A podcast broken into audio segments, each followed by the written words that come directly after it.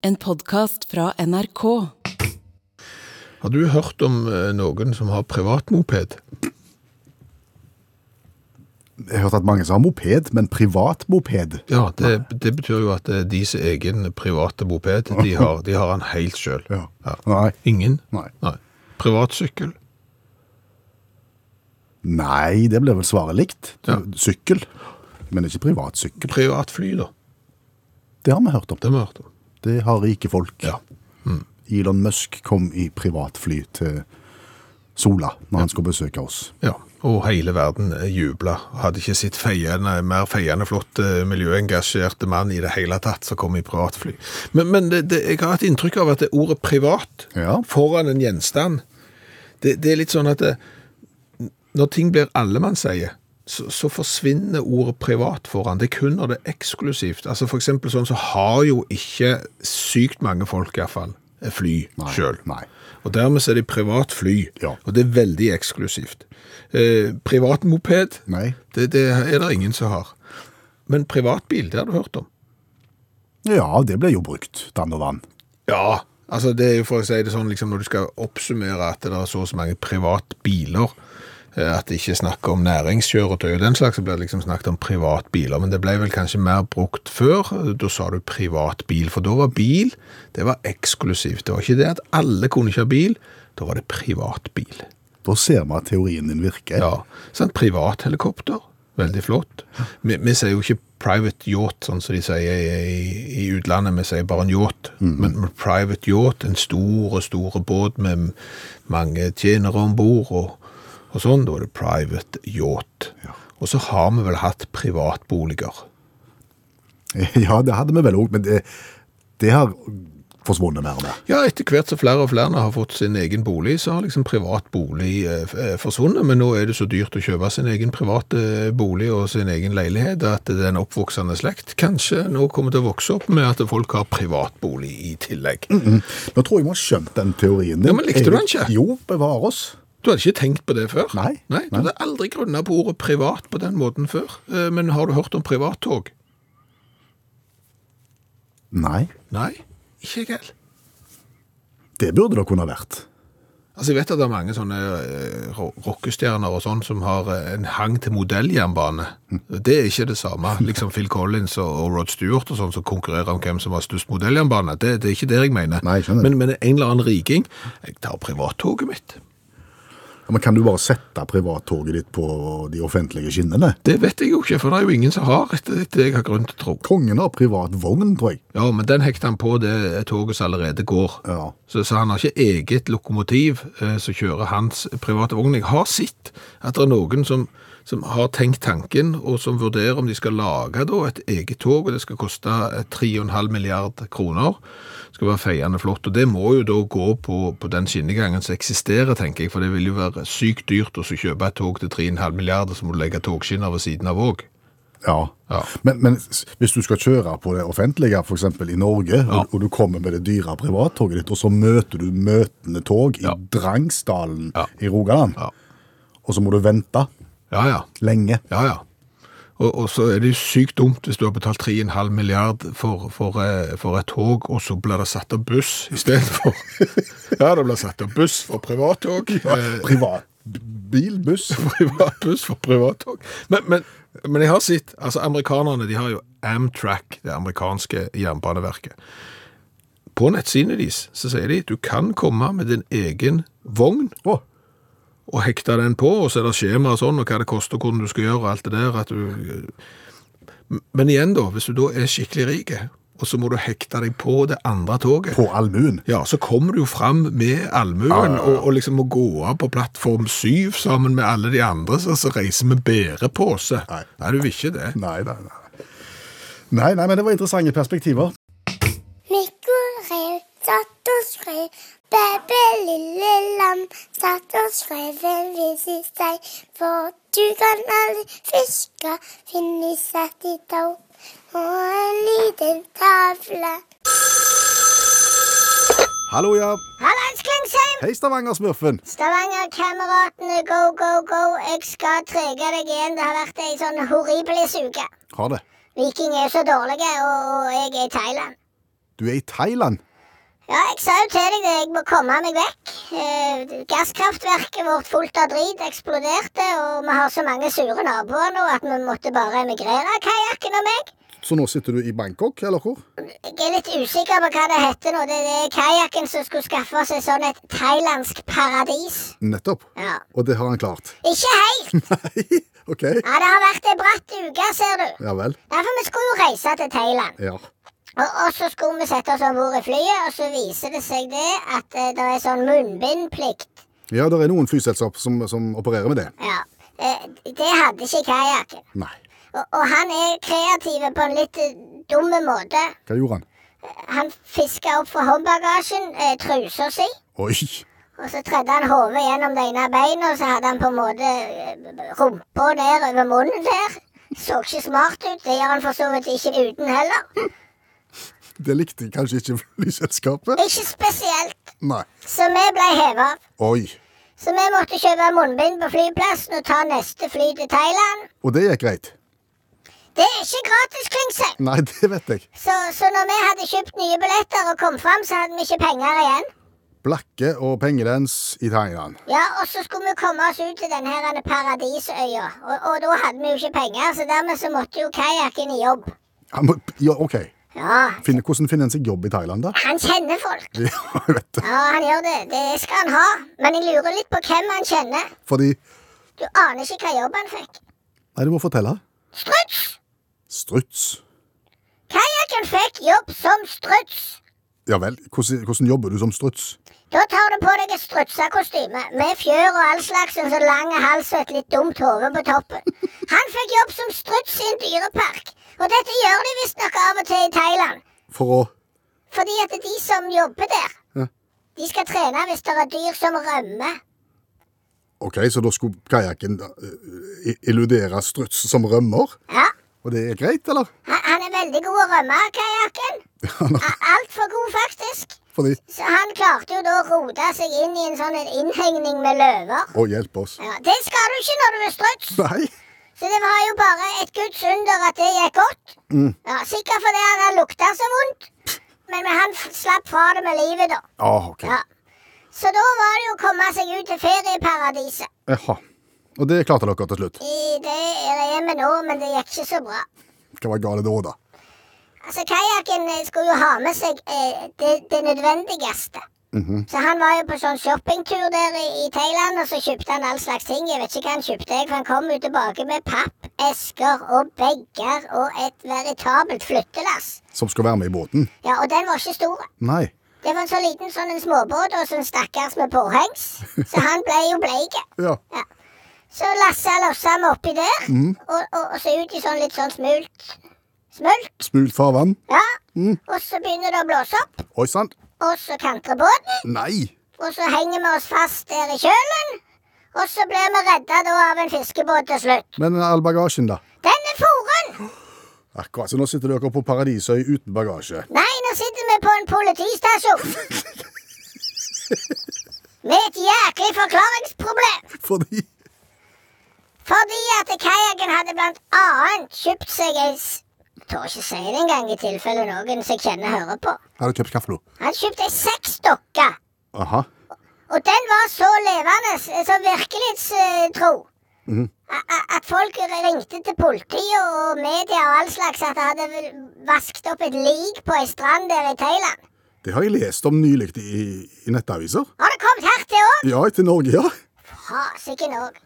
Og så var jo kajakken så lite smarte at han hadde jo da skrevet navn og telefonnummer på, på fotbladet til denne dokka, sånn for det vise at det var hans. Som om noen andre ville hatt den!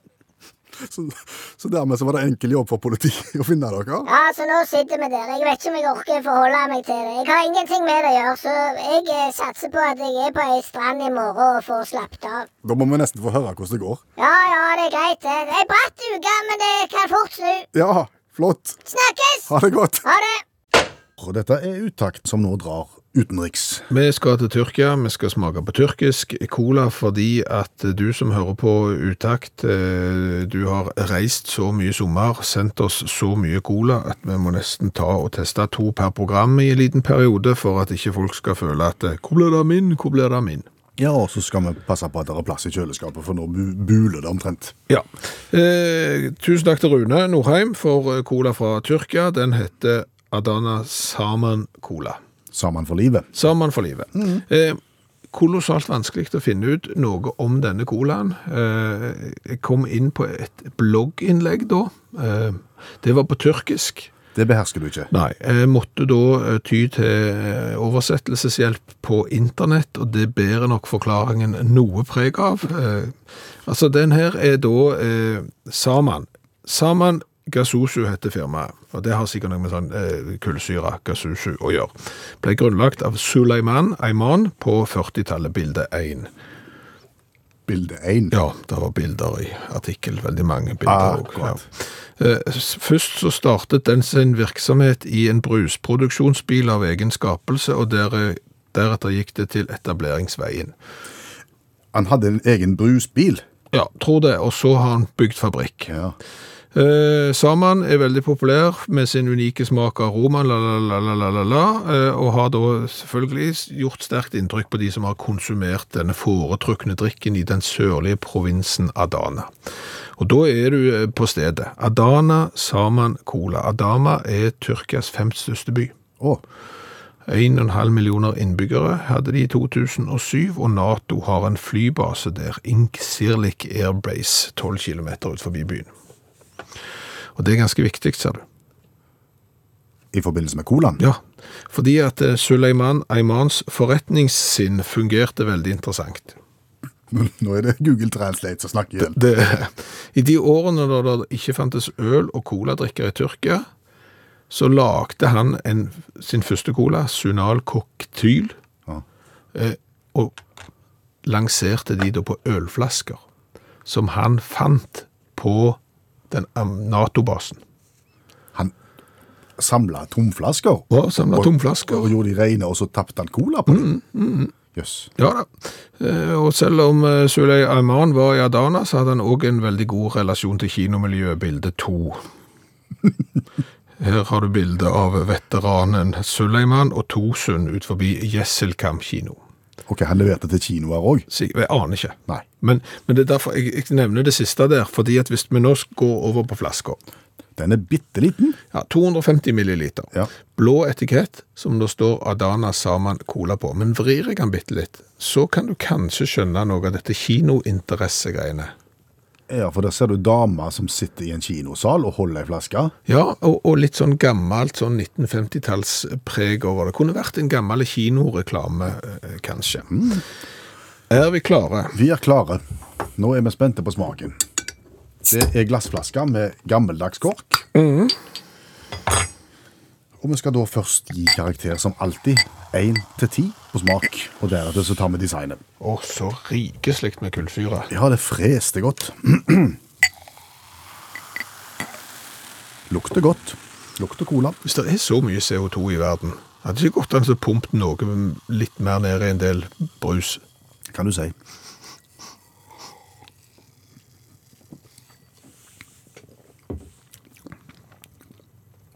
Det var ingen usmak. Nei, men det var lite smak. Syns du det? Tror jeg du begynner å få covid eller noe. Nei, det Den er borte.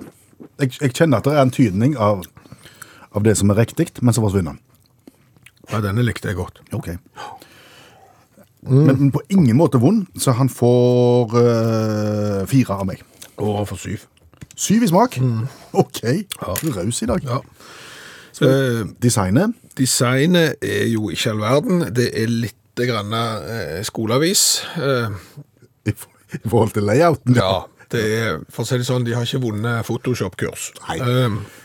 Men historien er jo litt fascinerende, og og så er det jo tøft med det bildet på altså liksom det 50-tallsbildet. fem foran av de i design av meg. Jeg må jo, som jeg alltid gjør, være veldig streng med å trekke ned på størrelsen av flaska. Altså alt under 0,33 er tull, så da trekker vi et poeng der, og så da havner jeg på fire.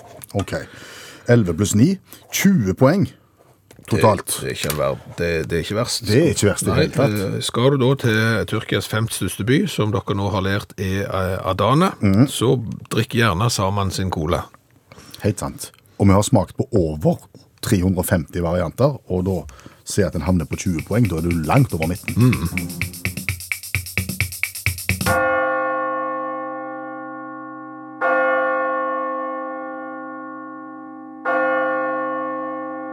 Det står skrevet i utaktevangeliet, eh, kapittel 1, vers 15.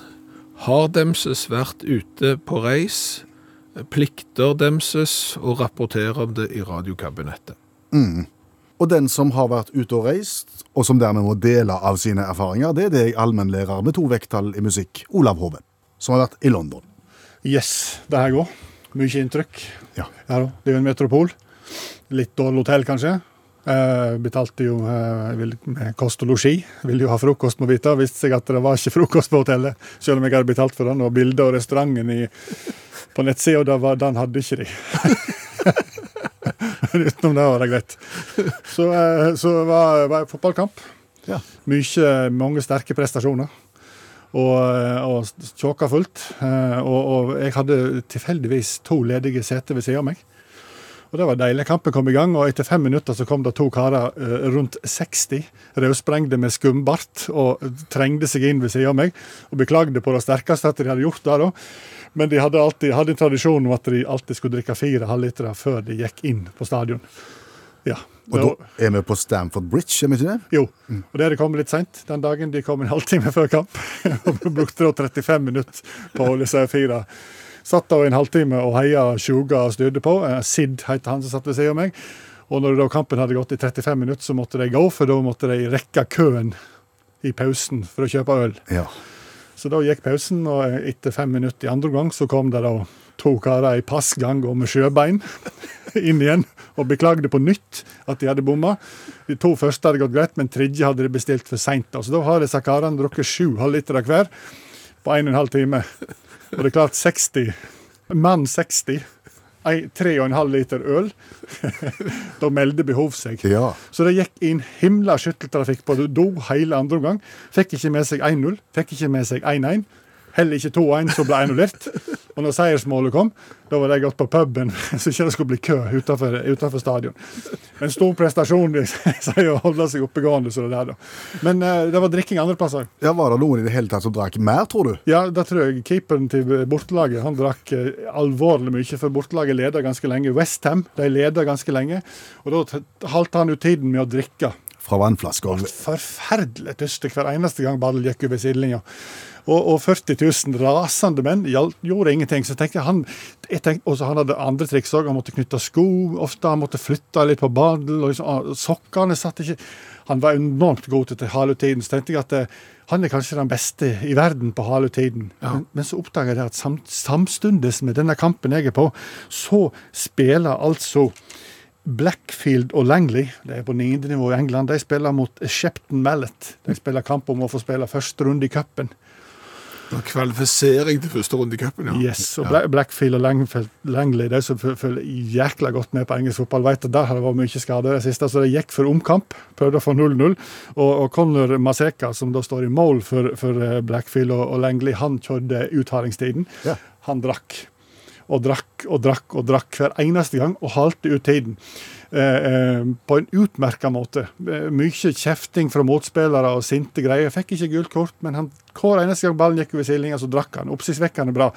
Helt til det er ett minutt etter kampen, og da kommer motstanderen Shepton Mallet alene med keeper og skyter utafor.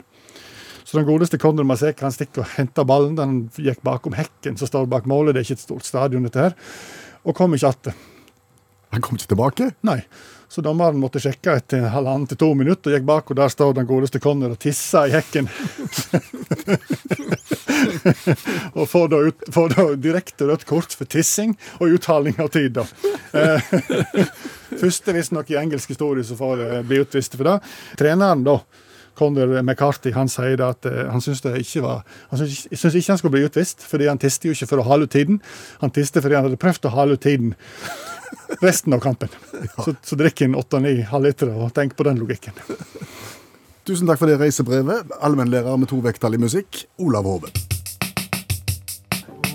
Der har vi en tone i bånn, ja. Og så må vi ha Bravo. Og så skal vi spille orgelmusikk som ikke har blitt spilt her før.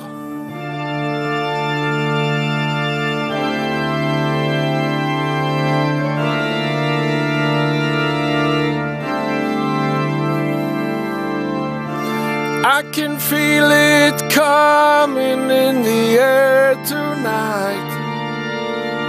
Oh Lord, oh Lord.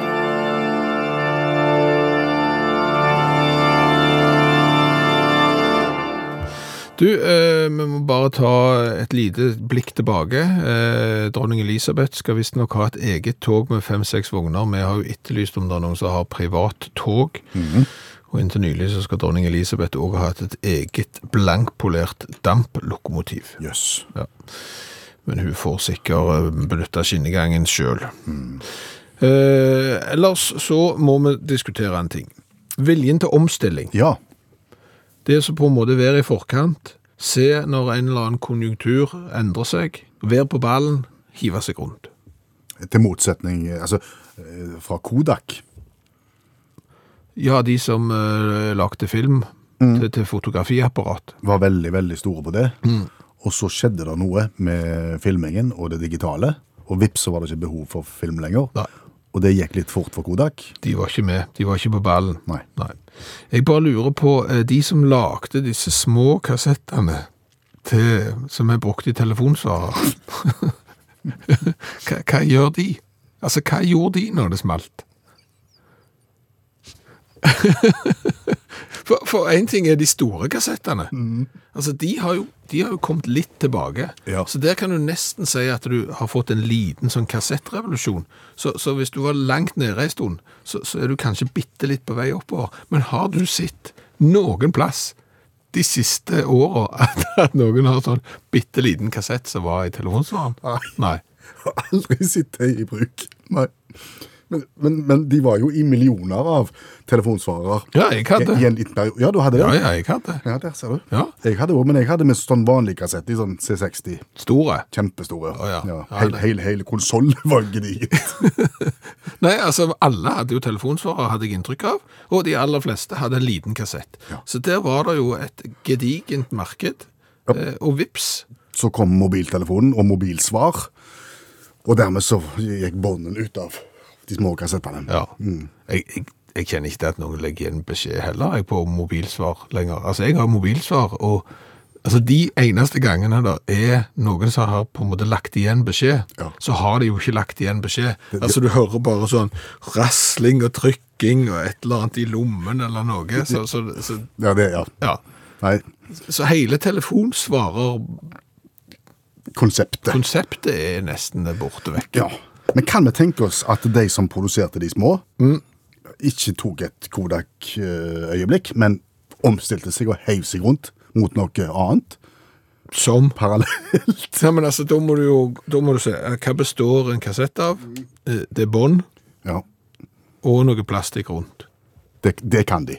Det, det er deres Ja, og, og hva kan du bruke det videre til? Altså Hvis du skal eksempel få maskinene Du kan jo få maskinene til å produsere andre ting, men hvis du bare har lagd bitte, bitte små kassetter, hva, hva begynner du med da?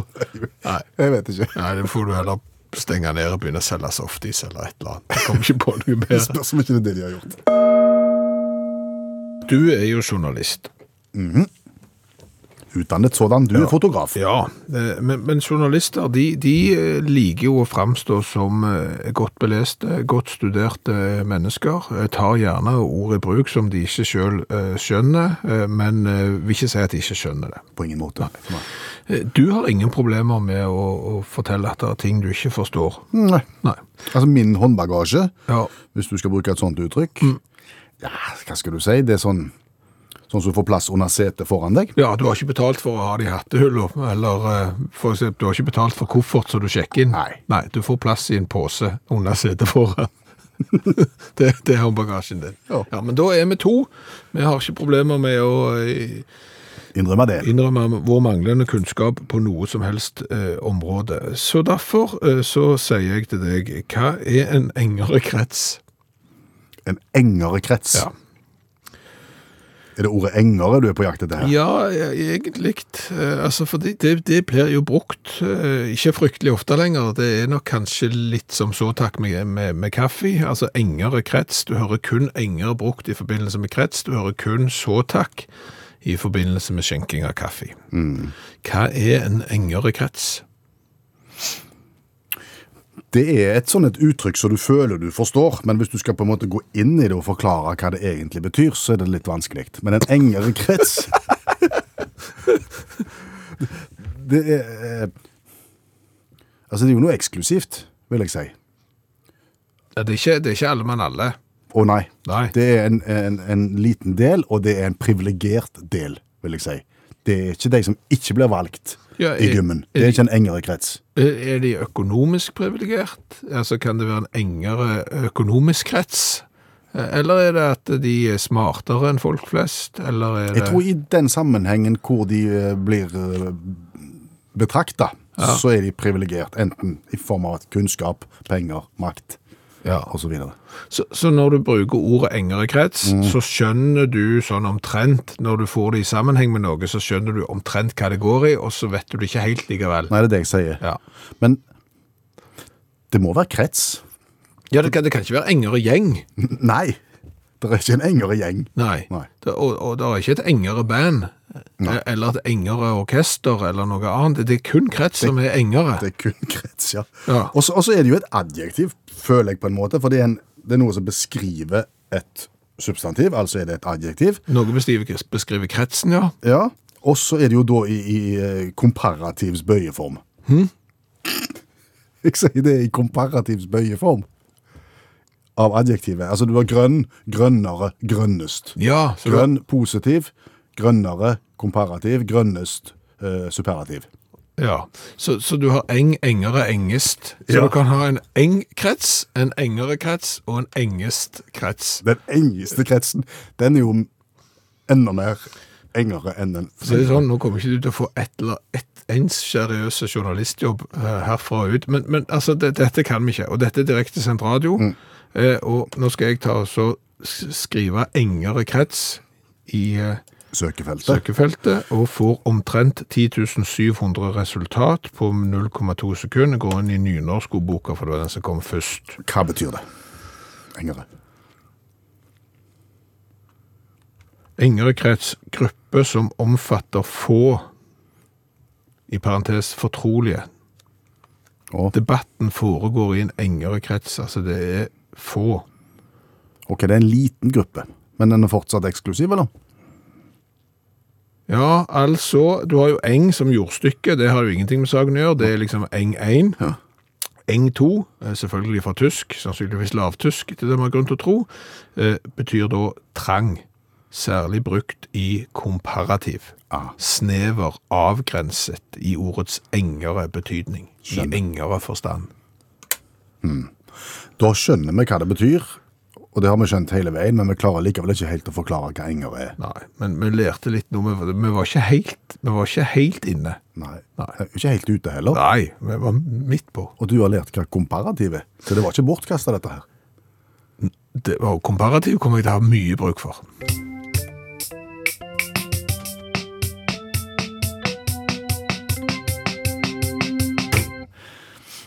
Kjørte mye bil i sommer.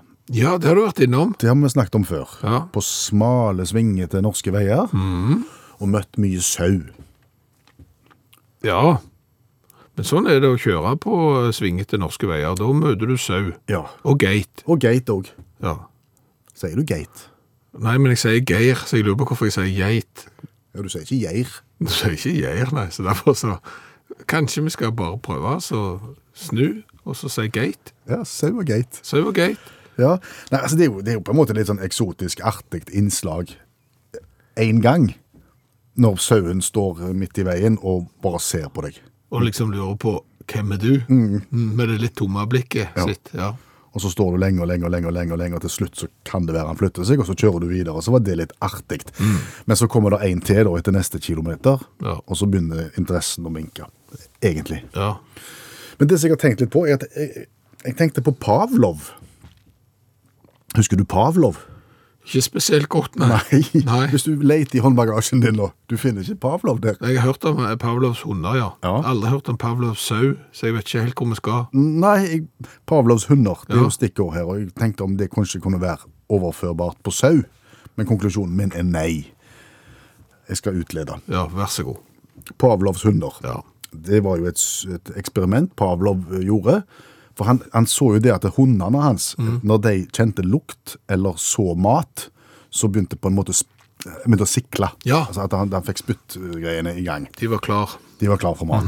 Så prøvde han et triks. Altså han, han ringte med ei bjelle samtidig som han øh, ga de mat en stund. Og hundene, de sugla like mye. Sugla videre. Så tok han vekk maten og bare, bare bjella, Ja. og de sugla fortsatt. For de assosierte da bjella med mat, og dermed så fikk de en reaksjon.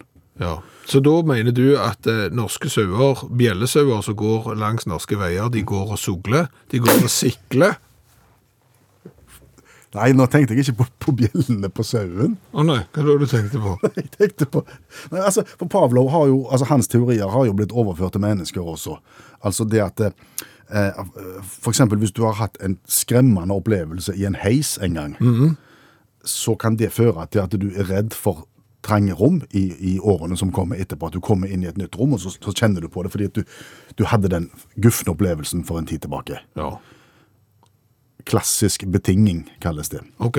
Og da tenkte jeg at en sau som da har opplevd at det er skummelt med en stor bil som kanskje har tuta på han, eller han har nesten blitt påkjørt, opplevd livsfare, at ikke det skulle føre til at når han da ser en bil igjen og opplever det samme, at han skulle ha jumpa til sides, jevnfør Pavlov. Sauer, de, de eh, er motsatt av Pavlov sine hunder, på en måte. Ja, sånn Jo, som men det, så det, det, jeg, jeg, forstår de, jeg. Fordi at den- de har jo Altså, jeg, jeg har jo Hvis jeg går tur Ja. jeg, Altså, jeg bor jo landlig til. Og så, og så går du Det er ikke veldig ofte jeg går tur, Nei, jeg burde gått mye oftere. Men så går du ut tur, gjerne rett etter at det har vært lemming og sånn. Og da er det lam, og så nærmer du deg da en sau eh, og et lam, så er de jo vettaskremte. De hopper jo til sides, mm. og så går du gjerne tur en gang til, så hopper de til sides litt senere, for da er de ikke så redde, for da er det mange andre som har gått tur òg, og så begynner de ikke å bry seg. Og til slutt så er det sånn husj! Altså, Da bryr de seg jo overhodet ikke i det hele tatt. Og, og fordi de er blitt vant med det. Og det tenker jeg det er de som ligger da i veikanten. Så har de sett én bil, så har de sett én bil til, så har de sett enda en bil, og til slutt så er det sånn, ja vel. Det har ingen konsekvenser for dem. De- har lært at bilene ikke er farlige, helt til en da blir truffet, men da er det litt seint, da får han ikke fortalt det til noen heller. Nei. Slo du i hel teorien min nå, eller hvordan? Nå, nå, Nei, altså egentlig så så Teorien din var i utgangspunktet litt svak, eh, og så slo du han i hjel sjøl, og så var jeg med ytterligere og trø på han, og, og virkelig gjøre han paddeflate. Ja. Du nevnte nettopp Pavlov og hundene hans. Ja. Eh, Og da begynte jeg å lure på om eh, Pavlov var i slekt med hun med desserten. Ring ingen bjeller. Pavlova. Pavlova. Ja. I, ja, Marengs og, og krem og sånn, er det ikke det? jeg, jeg har ikke smakt Pavlova, tror jeg. Er det, ja. er det bryllups... Nei, Det det, det, det, det, det festmat, det. Altså, det er jo marengs, eh, og så skal du da ha sprø skorpe, og så skal det være myk inni. Det er jeg litt usikker på om du steker den kort eller lenge. Jeg tror du steker den lenge på svak varme, nå bare dikter jeg. Eh, men jeg har lagt marengs. Eh, og så er det veldig kjent dessert, eh, og så heter han Pavlova, og så er han oppkalt etter ei som heter Anna Pavlova. Og så måtte jeg sjekke om det var dattera til eksempel Ivan Pavlova, han med hundene, og det var det ikke. Nei vel. Nei. Men er ikke det ofte sånn at det er Pavlov og Pavlova? Det er liksom... Jeg tror at mor til eh, hun med desserten, Anna, hun het Pavlova til etternavn, mens faren het Pavlov. Jeg tror det er hannkjønn og hunnkjønns ending på eh, Hansen, liksom. Ja, Ja. Ok. Hansen og hans sine, liksom. Ambassadøren og døra. Ja, litt den greia der. Men, men den her desserten, Ja. denne marengsbaserte desserten, som da er oppkalt etter den russiske ballerinaen Anna Pavlova, hvor kommer den fra? Russland. Nei, Nei. enten Australia eller New Zealand. Hvordan får du da koblingen med russisk ballerina? Nei, det var det jeg også begynte å lure på, og så begynte jeg også å se på dette her. Hun var da visstnok veldig berømt, så hun har vært på turné da i disse landene her. Eh, Men eh, New Zealand og Australia krangler da om det er Australia eller New Zealand som har kommet på denne desserten, som da er oppkalt etter denne ballerinaen. Eh, Men var det sånn at de skulle lage et festmåltid for henne med dessert, og så, og så kokte de i hop den når hun var på besøk? Ja, jeg tror det. Akkurat. Ja. Det er jo, og det er jo litt rart òg. Altså, der kommer da ei fra Russland ned til Australia eller New Zealand, og så lager de en dessert. Det er jo litt som om Crocodile Dundee skulle ha kommet til Norge, og så kokte vi i hop en eller annen dessert til, til han. For det hadde vært feiende flott. Ja, ja, ja. Ja. En hyllest. Til Crocodile Dundee. Ja. Hva skulle den hete da? Det har jeg ikke peiling. Nei. Nei. Men, men det er jo en tilsvarende historie i Norge, egentlig. I den byen som jeg kommer fra. Haugesund? Ja, som har skapt desserten dronning, dronning Maud-pudding. Som jeg tror stammer fra et besøk som dronning Maud gjorde i Haugesund for lenge siden. Og så skulle de lage festmat, og så skulle de lage flott dessert, og så lagde de en dessert og kalte opp desserten etter gjesten. Og den er god, ser du. Dronning Maud er godt. men, men er det, altså, krangles det eksempel mellom uh, Haugesund og Bergen, eller liksom Haugesund Nei. og Nei. Her er det ingen tvil. Det er ingen tvil om at Donny Maud kommer fra Haugesund, og det er alle enige om. Etter det jeg har grunn til å tro, ja. Det er det du har grunn til å tro. Men da blir det funnet opp nye desserter nå. Jeg føler liksom at eh, jeg har ikke oppdaget at det har kommet sånn. Nei, det er hvis du skal lage Crocodile Dundee. Ja, det må, det må, det må være det. Fromasjen. Du må bare finne ingrediensene der.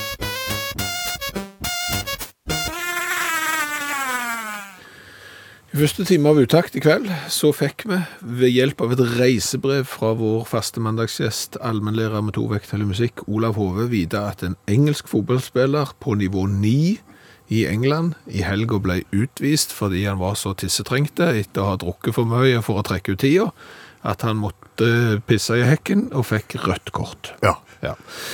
Men det er, hvis vi har forstått det rett, fra globetrotteren sjøl, ikke den eneste pissoar, toalett, eh, avføringshistorien som har prega britisk presse denne helga. Fortell om det. Nei, altså det har versert en sak, og det har vært mye om altså som sagt, det var mye om det som foregår på toalettet, eller i hekken da i det tilfellet forrige time, men, men eh, det har versert, versert en sak om eh, den slovenske filosofen Slavoj Sisek. Har jeg hørt om han?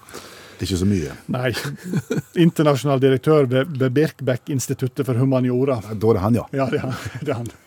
Og jeg hadde, jeg hadde det på tunga, det var, det var akkurat det der Birk Og han, skri og han skriver som tittelen sin, nokså komplisert, da. Men, men tematikken er voldsomt folkelig. fordi at han har, han, har, han har skrevet en avhandling, kjempelang avhandling om at måten tyskere, franskmenn og engelskmenn behandler avføringen sin på, da reflekterer hvordan folket er.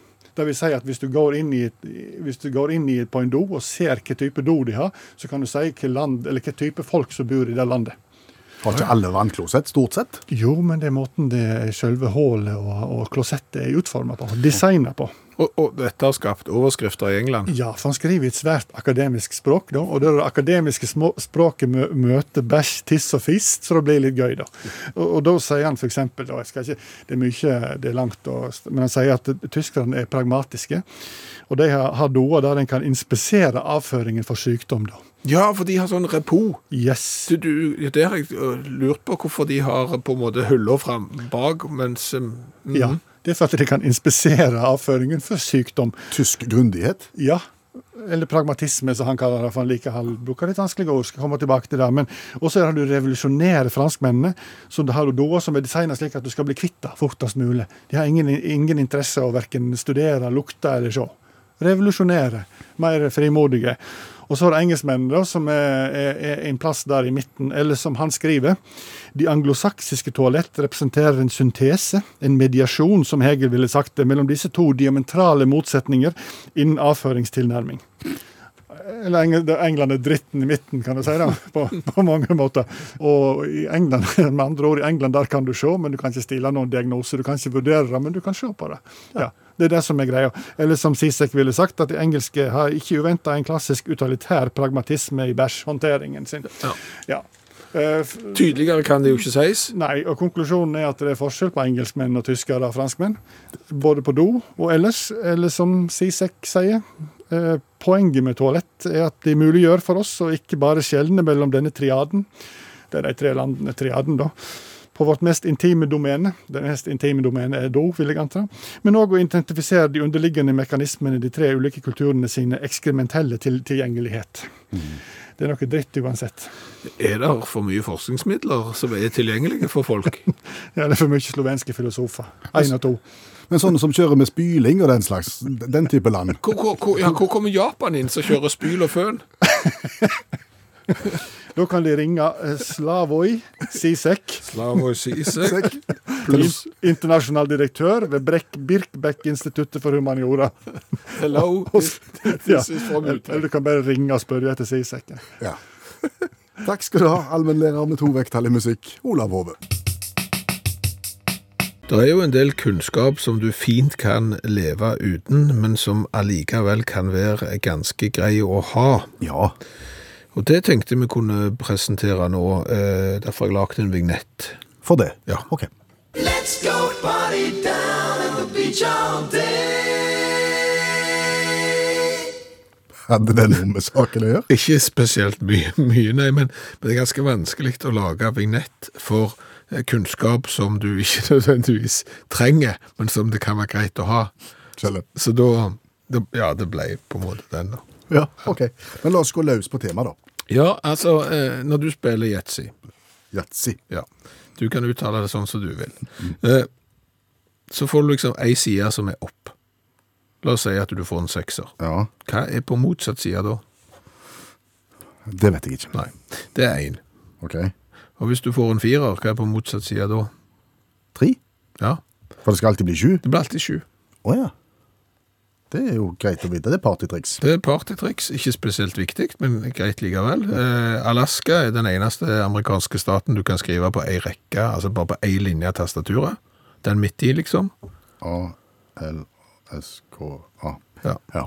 Den er ikke så nyttig. Den er ikke, det, det, med terningen er nok bedre. Ja. Ja, eh, og, ja, eh, vi kan gå til kortstokken, men det kan vi hoppe over. Konger med, med og uten mustasj. Eh, interessant. Ja, men ta, ta med deg. Ja, ja, det er jo Gjerter konge er jo den eneste kongen i kortstokken som ikke har bart. Akkurat. Ja. Da noterer vi det òg. Ja, det, den er nok, av de tre så er nok kanskje den den svageste. Ja. Har du en bedre nå til slutt? ja, jeg har spart uh, den beste til slutt, og det er jo virkelig kunnskap som det kan være greit å ta med seg, og som, eh, sant, når det lugger litt i selskapslivet, og du plutselig sitter og diskuterer i eh, grillselskap i juli, hva har dere om julen? Og liksom, er det pinnekjøtt eller ribbe eller sånn? Da vet du at det er tungt. Da vet du at det er tungt, og da kan du dra fram denne. Vet du det, at det er 13,8% sannsynlig at du kommer til å dø på bursdagen din? 13,8 prosent. Mer sannsynlig at du dør på bursdagen din enn noen andre dager. Hvordan i all verden kan det stemme?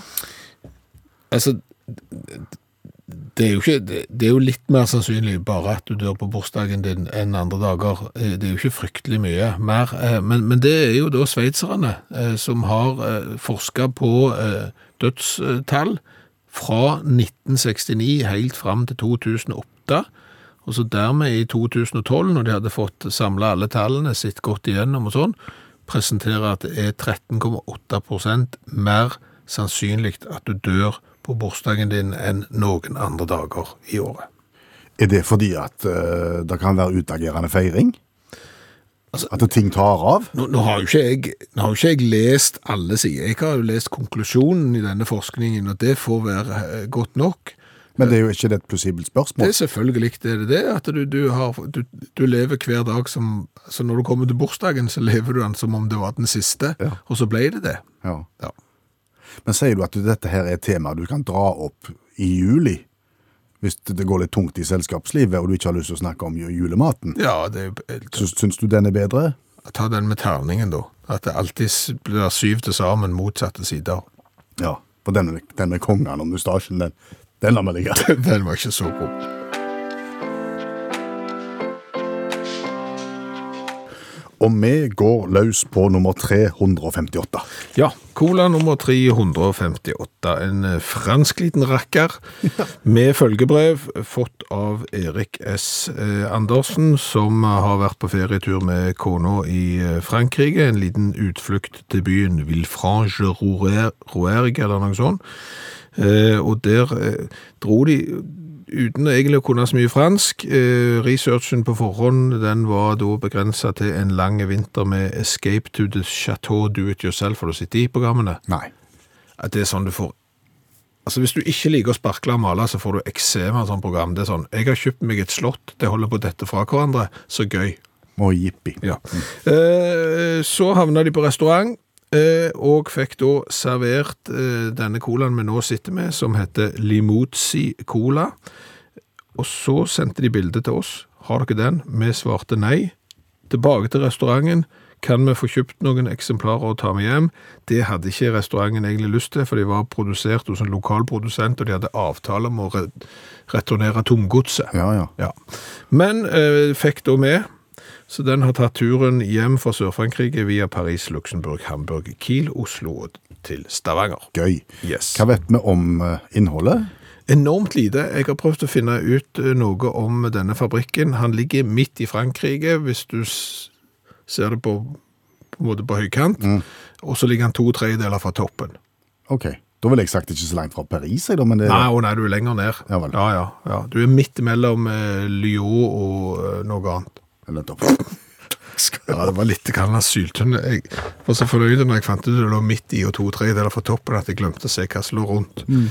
Men eh, det er 033-flaske. Ja. Så det er rød etikett med bilde av en okse Yes. som ser ganske eh, irritert ut.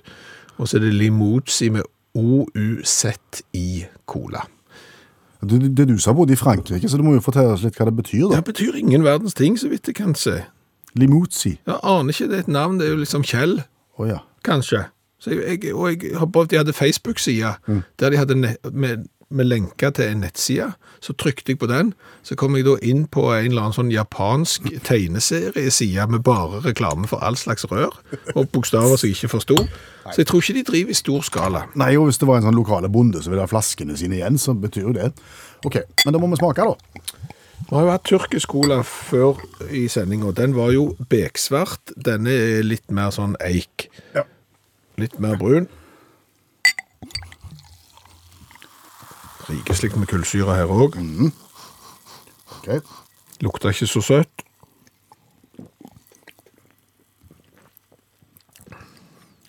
Og denne smakte lite. Altså, hvis du sa at den tyrkiske smakte lite, så smaker den enda mindre. ja. Litt beiskere, litt bitrere enn den enormt søte tyrkiske. En liten ettersmak av Må ta en slurk til. Nå er jeg spent. Ettersmak av, Jeg sier jordsmonn. av jordsmonn. Ja, det pleier å være sånn i Frankrike. Det er litt, litt petroleum og litt jordsmonn og litt skifer, sikkert. Så har vi det. Ja. Jeg klarte ikke å ta den, men det var en ettersmak av noe litt kanskje sitrusaktig. Den, den er jo ikke vond på noen som helst måte, men den var veldig anonym egentlig i sitt uttrykk. Jeg likte bedre den uh, tyrkiske. Den ga jeg syv, denne gir jeg fem. Jeg ga fire til tyrkerne. Jeg synes denne her, her er på langt ned. Jeg må gi tre i Tre. smak. Tre i smak. Mm. Designet. Litt sånn Lamborghini-tøft, med en sånn en, eh, litt eh, sint okse på, eh, men allikevel eh, det bærer litt prøve av form, form og farge på, på videregående. Ja, akkurat det tenkte jeg også. Det er ikke all verden, sa du. Nei, så det er en, en, firer det òg, da, kanskje. I, Fire der I design. 8 og 8, 16. Jeg hadde, nei, jeg har tre pluss fire. Ja, altså tre i smak og fire er kult. Fem i smak og fire er kult. Åtte pluss åtte, 16. Da har vi det.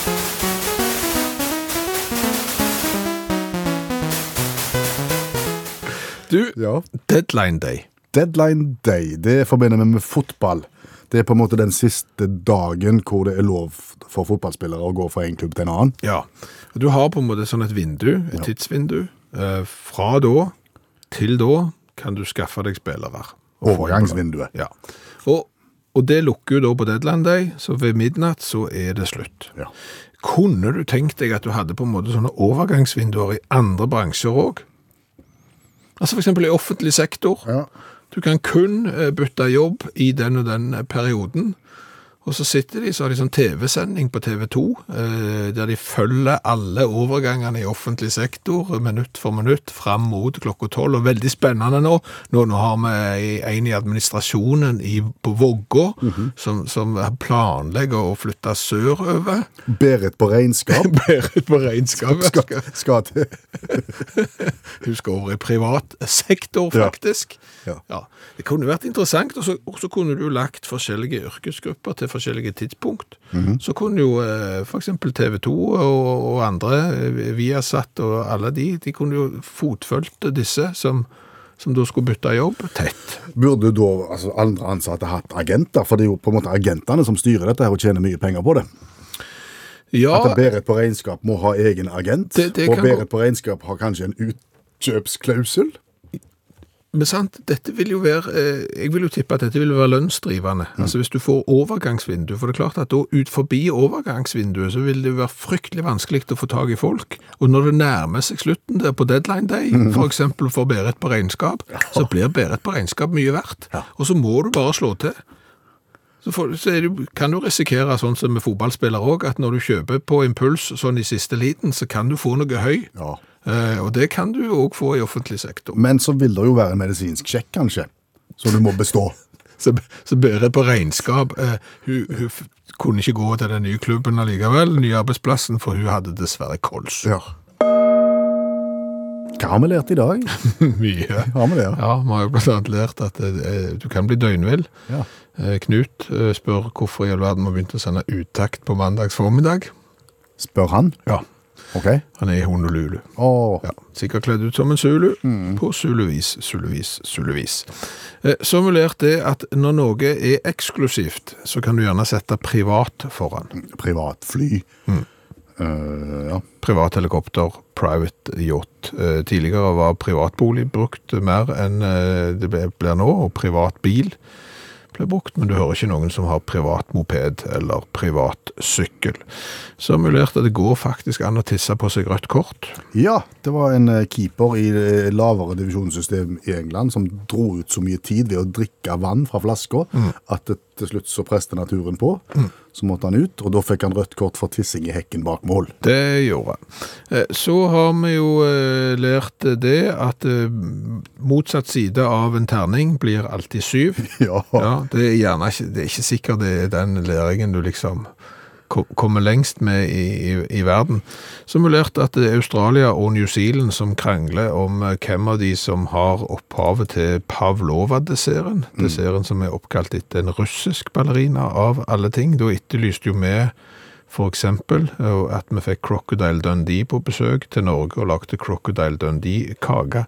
Det finnes Dundee-kake. Å, Så du går ut på den Facebook-gruppa som heter Utakt for og av fans, så ligger oppskriften der, og han så sykt god ut, for å si det sånn. Og så har vi vel lært litt om hva en engere krets er, har vi ikke det? Jo, altså litt har vi lært eh, hva en engerkrets er. Jeg nesten google det igjen, for jeg husker jo så seint. Men altså, det er jo da tysk, selvfølgelig. Ja. Trang, særlig brukt i komparativ, altså en snever avgrenset område, ofte brukt da om folk.